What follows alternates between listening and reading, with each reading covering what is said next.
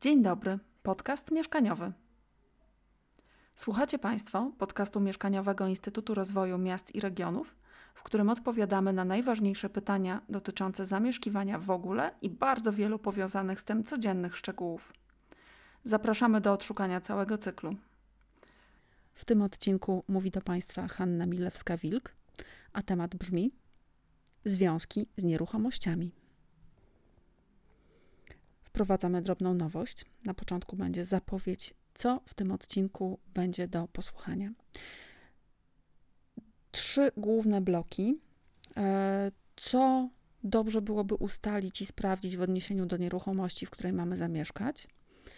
Czym jest majątek odrębny lub wspólny i jakie procedury można co do niego stosować? I na koniec dość krótko o darowiznach nieruchomości czyli sekcja pierwsza, wstęp. Podejmując decyzję o tym, że będziemy z kimś wspólnie żyć, jest to bardzo często decyzja dotycząca wspólnego zamieszkiwania. E, to wspólne życie musi być gdzieś pod jednym dachem. E, I decydując się właśnie na to zamieszkanie pod wspólnym dachem, dobrze byłoby, gdybyśmy zapytali o kilka rzeczy osobę, która jakby dysponuje tym dachem. Należałoby sprawdzić i zapytać, czy dana osoba jest właścicielem tego mieszkania bądź domu, czy może jest to tylko współwłasność. Właścicielem jest jeszcze ktoś inny, bądź e, ta osoba, z którą my chcemy zamieszkać, jest tam tylko i wyłącznie na prawach członka rodziny, który mieszka z kimś, kto jest właścicielem. Sprawdźmy, czy nie jest to najem, bo tu też są pewne konsekwencje dalsze dla naszego wspólnego zamieszkiwania.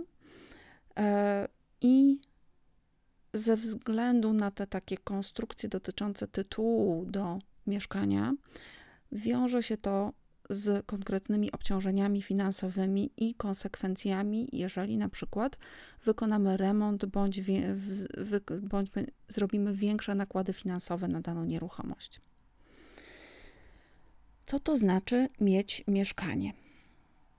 Jeżeli działka lub mieszkanie jest własnością jednej z osób w danym związku, wciąż mówimy o związku raczej nieformalnym, ale również jeżeli jest to małżeństwo to porozmawiajmy o wspólnym inwestowaniu na przykład w budowę na danej działce, w remont domu lub mieszkania, o inwestowaniu w takie trwałe wyposażenie typu zabudowa szaf, kuchnia zabudowana lub robiona na miarę. E, takie inwestycje w nieruchomość zwiększają wartość samej nieruchomości. Jeżeli ta nieruchomość jest majątkiem tylko jednej z osób w związku, no to całe nakłady idą jakby na konto tej osoby, która jest właścicielem nieruchomości. Jeżeli to jest jeszcze ktoś inny z rodziny, no to w tym momencie remontujemy, mm, poprawiamy cudze zupełnie mieszkanie. Dobrze byłoby ustalić, na jakich zasadach możemy uzyskać zwrot tych pieniędzy, bądź na co możemy liczyć w zamian za takie usprawnienia i ulepszenia. Jeżeli mieszkanie jest w najmie, Również dobrze jest o tym wiedzieć, jeżeli do takiego mieszkania się wprowadzamy, ponieważ zgodnie z przepisami wszystkie dorosłe osoby zamieszkujące w takim mieszkaniu są solidarnie odpowiedzialne za opłacanie czynszu. Czyli jeżeli to mieszkanie będzie zadłużone i e, wynajmujący dowie się, że tam mieszkamy, mieszkaliśmy, może również od nas dochodzić płatności czynszu w pełnej wysokości. E, I ostatnia taka kwestia, dosyć często pojawiająca się ostatnio, to jest e, mieszkanie, nieruchomość kupiona na firmę. Jeżeli coś jest kupione na firmę, potocznie mówiąc, czyli e, jako właściciel figuruje właśnie jakaś na przykład jednoosobowa działalność gospodarcza bądź spółka, to w tym momencie rzeczywiście jest istotne, czyja jest ta firma, ta spółka, ta jednoosobowa działalność, ponieważ tu jest jeszcze większe ryzyko. Chodzi mianowicie o to, że w tym momencie zadługi firmy mogą wierzyciele żądać na przykład zlicytowania takiej nieruchomości. I to już może być większy kłopot. Majątek własny, a małżeństwo. Jak to wygląda i jak to może wpływać na to nasze zamieszkiwanie wspólne? To, co każdy z nas posiada przed wejściem w związek małżeński, jest tak zwanym majątkiem odrębnym, czyli wszystko, co mieliśmy wcześniej, co wnosimy ze sobą do związku małżeńskiego, jest majątkiem odrębnym każdego z małżonków. Jeżeli nawet w trakcie trwania małżeństwa któreś z małżonków otrzymało na przykład darowiznę, odziedziczyło jakieś, jakiś majątek, nieruchomość, część nieruchomości, również jest to majątkiem odrębnym danej osoby. Nie wchodzi to do majątku wspólnego. Można również w trakcie trwania małżeństwa zakupić na przykład nieruchomość, która będzie majątkiem odrębnym jednego z małżonków. Tutaj procedura wygląda w ten sposób, że obydwoje małżonkowie powinni się stawić na takim akcie kupna sprzedaży nieruchomości i obydwoje małżonkowie figurują w akcie notarialnym, podpisują ten akt notarialny, oświadczając jednocześnie, że dana nieruchomość będzie stanowiła majątek odrębny jednego z małżonków.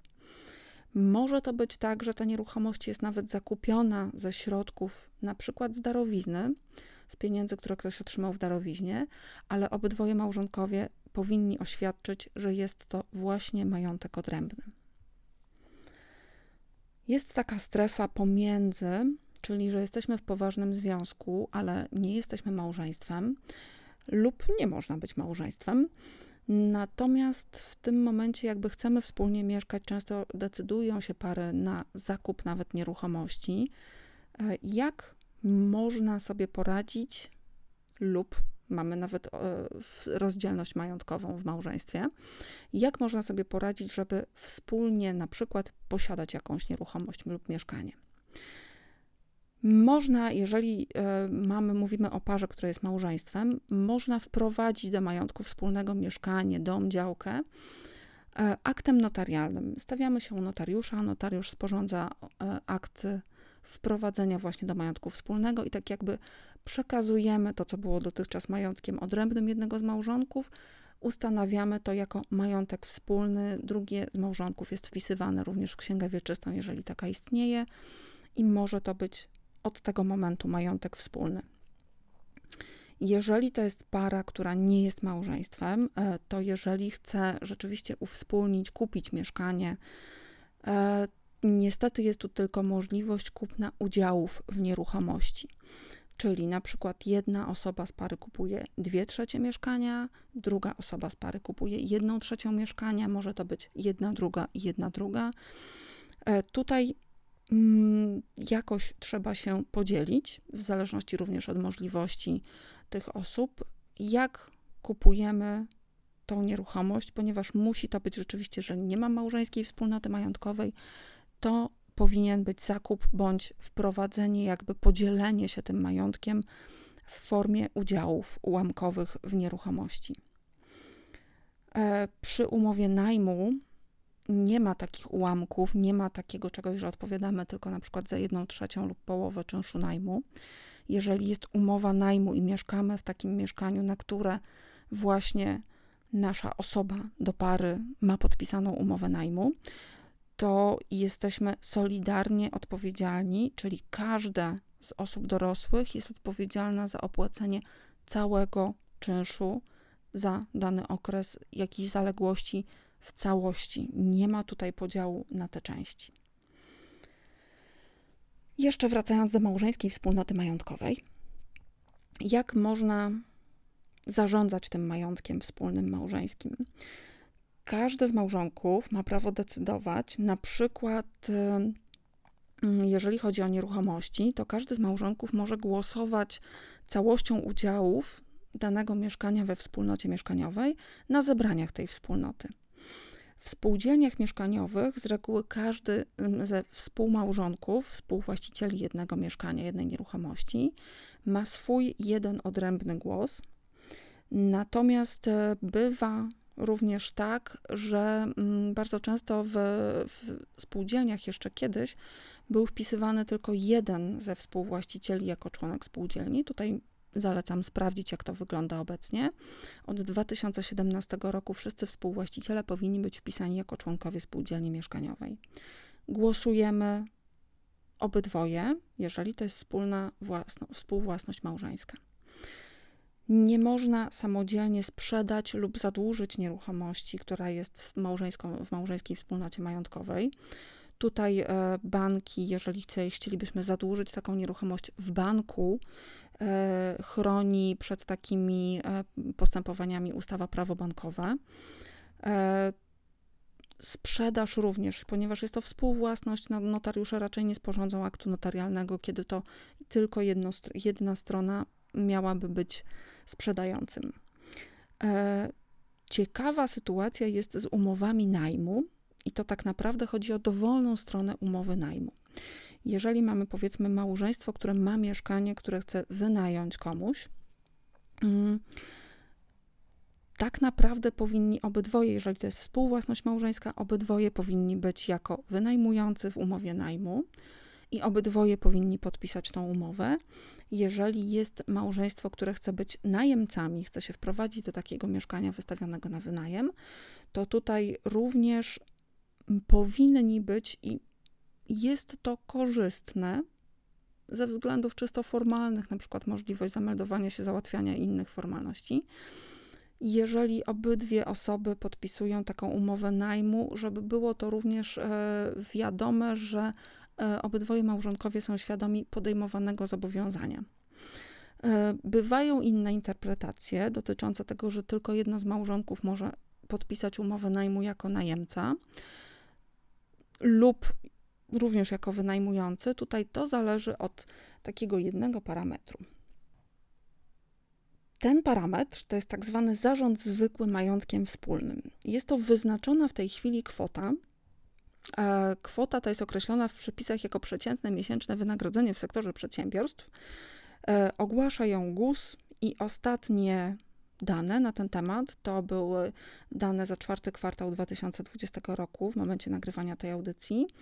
I wynosiło to przeciętne wynagrodzenie 5456 zł. Czyli jeżeli małżonkowie podpisują, mieliby podpisać umowę najmu, której czynsz opiewa na mniej niż te 5000 zł, no to część sądów uznawała, że jest to w tak zwanym zarządzie zwykłym majątkiem wspólnym, że to nie jest aż taki duży wydatek, żeby obydwoje musieli się na, e, w tym podpisywać. Natomiast z drugiej strony umowa najmu jest zawierana na dłuższy czas i to są regularne, comiesięczne płatności. Jeżeli to jest umowa najmu na rok, no to w tym momencie zsumowane czynsze najmu z reguły przekraczają te 5000 zł. W związku z tym w części interpretacji sądowych wyglądało to tak, że powinni tutaj już podpisywać się po dowolnej stronie umowy najmu obydwoje małżonkowie. E, ten zarząd zwykły jeszcze ułatwia nam takie codzienne rzeczy, czyli na przykład jedno z małżonków może zlecić jakiś drobny remont, może kupić meble, jakieś urządzenie typu pralka do domu. I to jest po prostu takie codzienne funkcjonowanie, opłacenie chociażby bieżących rachunków, zapłacenie opłat do spółdzielni lub wspólnoty. To można zrobić całkowicie samodzielnie. Jeszcze jest jeden problem. Za długi jednego z małżonków można odpowiadać majątkiem wspólnym.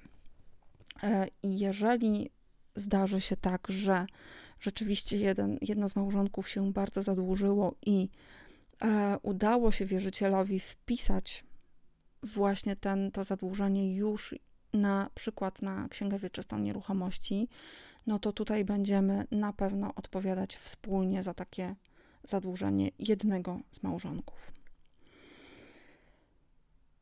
To były mniej przyjemne części. Teraz przejdźmy do części, jak można podarować nieruchomość.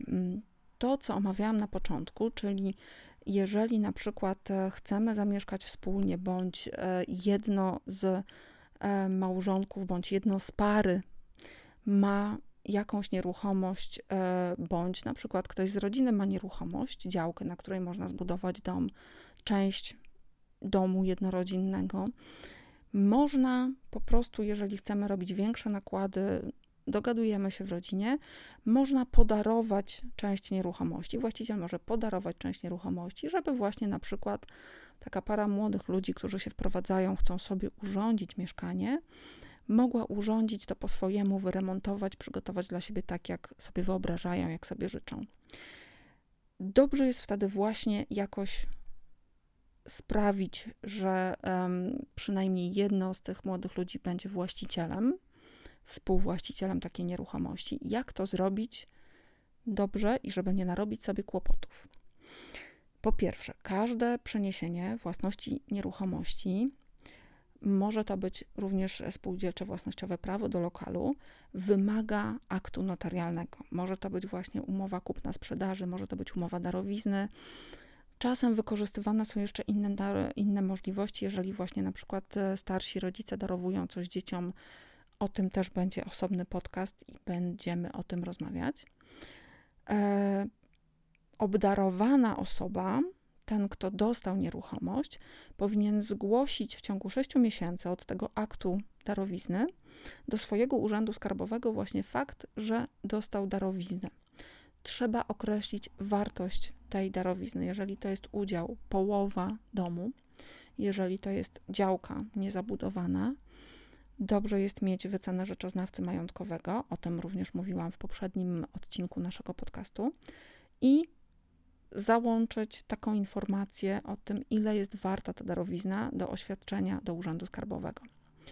Kolejnym krokiem jest takie jakby określenie, czy powinniśmy zapłacić podatek i w jakim wymiarze. W zależności od tak zwanej grupy, te grupy są określone według stopni pokrewieństwa, może być mniejsza lub większa, e, mniejsze lub większe obciążenie podatkowe tego, tej darowizny może być darowizna nawet zwolniona z podatku, jeżeli ją właśnie zgłosimy w tym terminie i jeżeli należymy do tak zwanej grupy zerowej. Ta grupa zerowa to jest po prostu na przykład między rodzicami a dziećmi. Jeżeli rodzice darowują dzieciom, dzieci darowują rodzicom, jeżeli rodzeństwo darowuje sobie coś między sobą, tutaj jest to zwolnione z podatków od darowizny.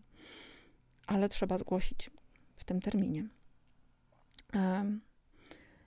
Z innych możliwości to jest na przykład, jeżeli wspólnie zamieszkują rodzice na przykład z jednym swoim dzieckiem i jego małżonkiem, małżonką, osobą, partnerem życiowym, o właśnie, partnerem życiowym, to tutaj e, pewne ułatwienia na przyszłość, nie od razu wyprostowanie sytuacji, ale ułatwienie na przyszłość to na przykład są Dyspozycja na wypadek śmierci dotycząca majątku bądź nieruchomości. Można spisać testament i zarejestrować go u notariusza. Własnoręcznie spisany testament możemy po prostu zarejestrować u najbliższego notariusza.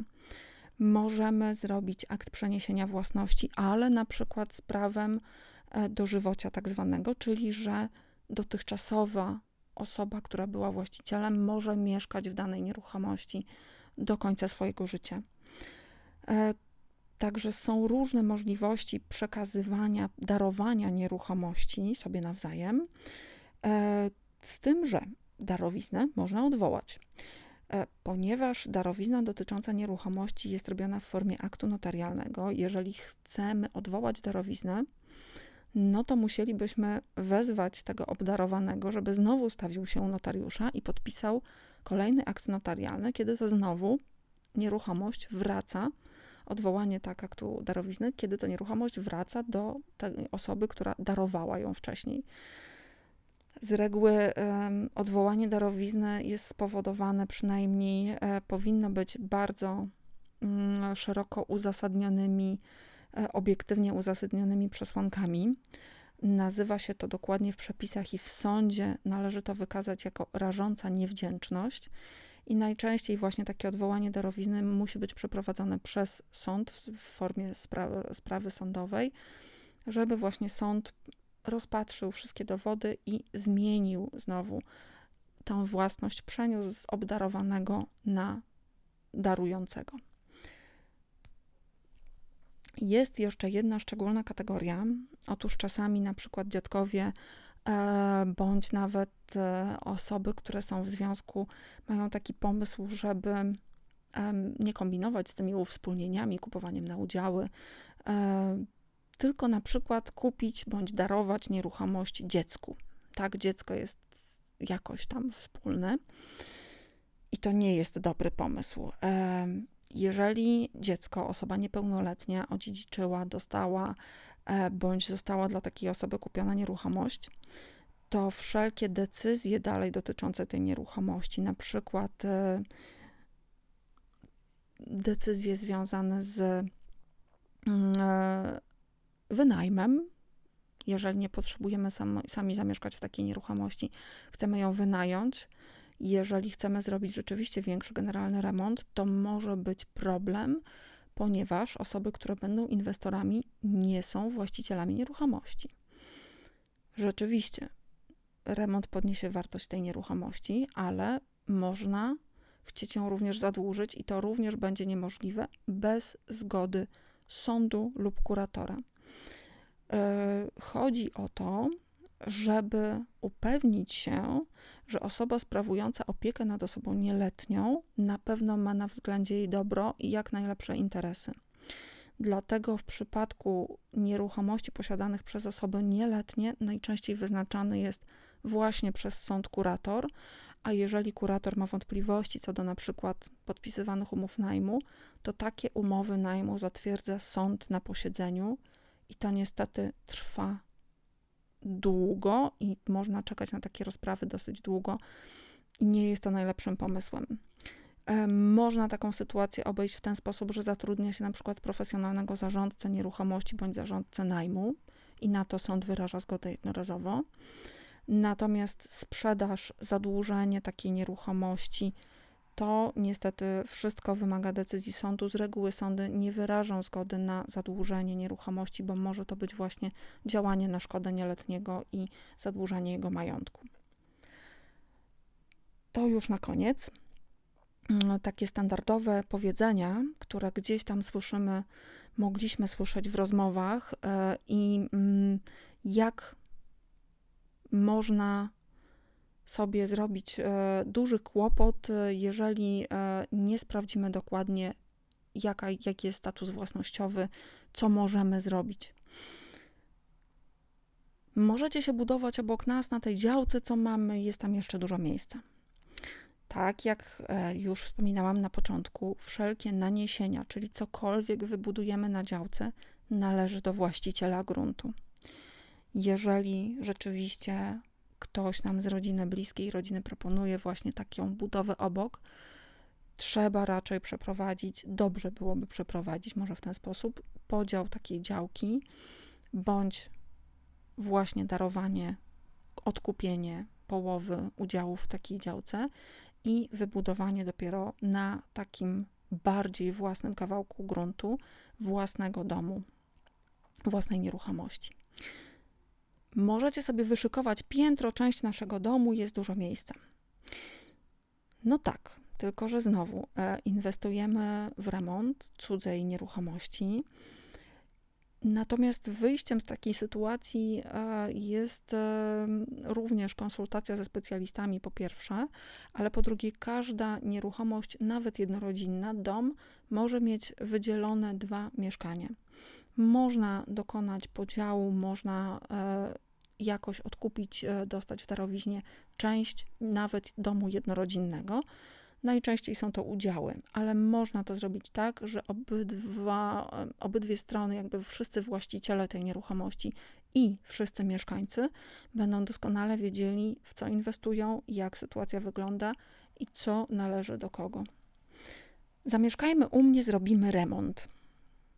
No tak, no u mnie zamieszkamy, ale za czyje pieniądze będzie ten remont? E, jeżeli rzeczywiście będzie to duży remont, duże nakłady i para przy rozstaniu się będzie jednak jakoś e, sprzeczała się o pieniądze, to w tym momencie w sądzie jedynie faktury imienne na konkretną osobę dotyczące, dotyczące konkretnych czy to materiałów budowlanych, czy wykończeniowych, czy robocizny są podstawą do zwrotu kosztów, części kosztów remontu. Kupię mieszkanie, dom na firmę. Będzie można to lepiej amortyzować na przykład. tutaj wraca to pytanie, które już było na początku: czyja jest ta firma? Czy rzeczywiście taki sposób e, zakupu będzie optymalny w dłuższym terminie? Czy jeżeli rzeczywiście pojawią się kłopoty w firmie, to będziemy mieli jednocześnie na głowie również kłopoty związane z naszym dachem nad głową i z zabezpieczeniem takiego podstawowego, takiej podstawowej potrzeby, właśnie jaką jest dach nad głową. E, oczywiście w związkach z nieruchomościami jest jeszcze dużo więcej zagadnień i pytań. Zapraszam do zadawania takich pytań. Przygotowując ten podcast, korzystałam z kodeksu rodzinnego i opiekuńczego, kodeksu cywilnego, ustawie o podatku od spadków i darowizn i częściowo z ustawy prawo bankowe.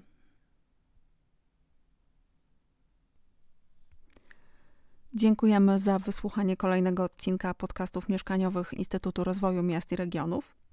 Zapraszamy do subskrypcji, komentowania, zadawania pytań. Mogą Państwo znaleźć nasze podcasty na naszej stronie internetowej irmir.pl łamane przez podcasty mieszkaniowe Irmir. Mogą nas Państwo znaleźć na wszystkich dużych platformach podcastowych, a stroną domową jest Anchor FM łamane przez Irmir. Zapraszamy dla osób, które lubią widzieć to, o czym jest mowa, na kanał YouTube Instytutu Rozwoju Miast i Regionów. W playliście podcasty mieszkaniowe znajdziecie Państwo nagrania prezentacji do każdego odcinka. I wszelkie zapowiedzi i również nowe odcinki są zawsze na Facebooku Centrum Doradztwa Rewitalizacyjnego IRMIR. Zapraszam do polubienia strony.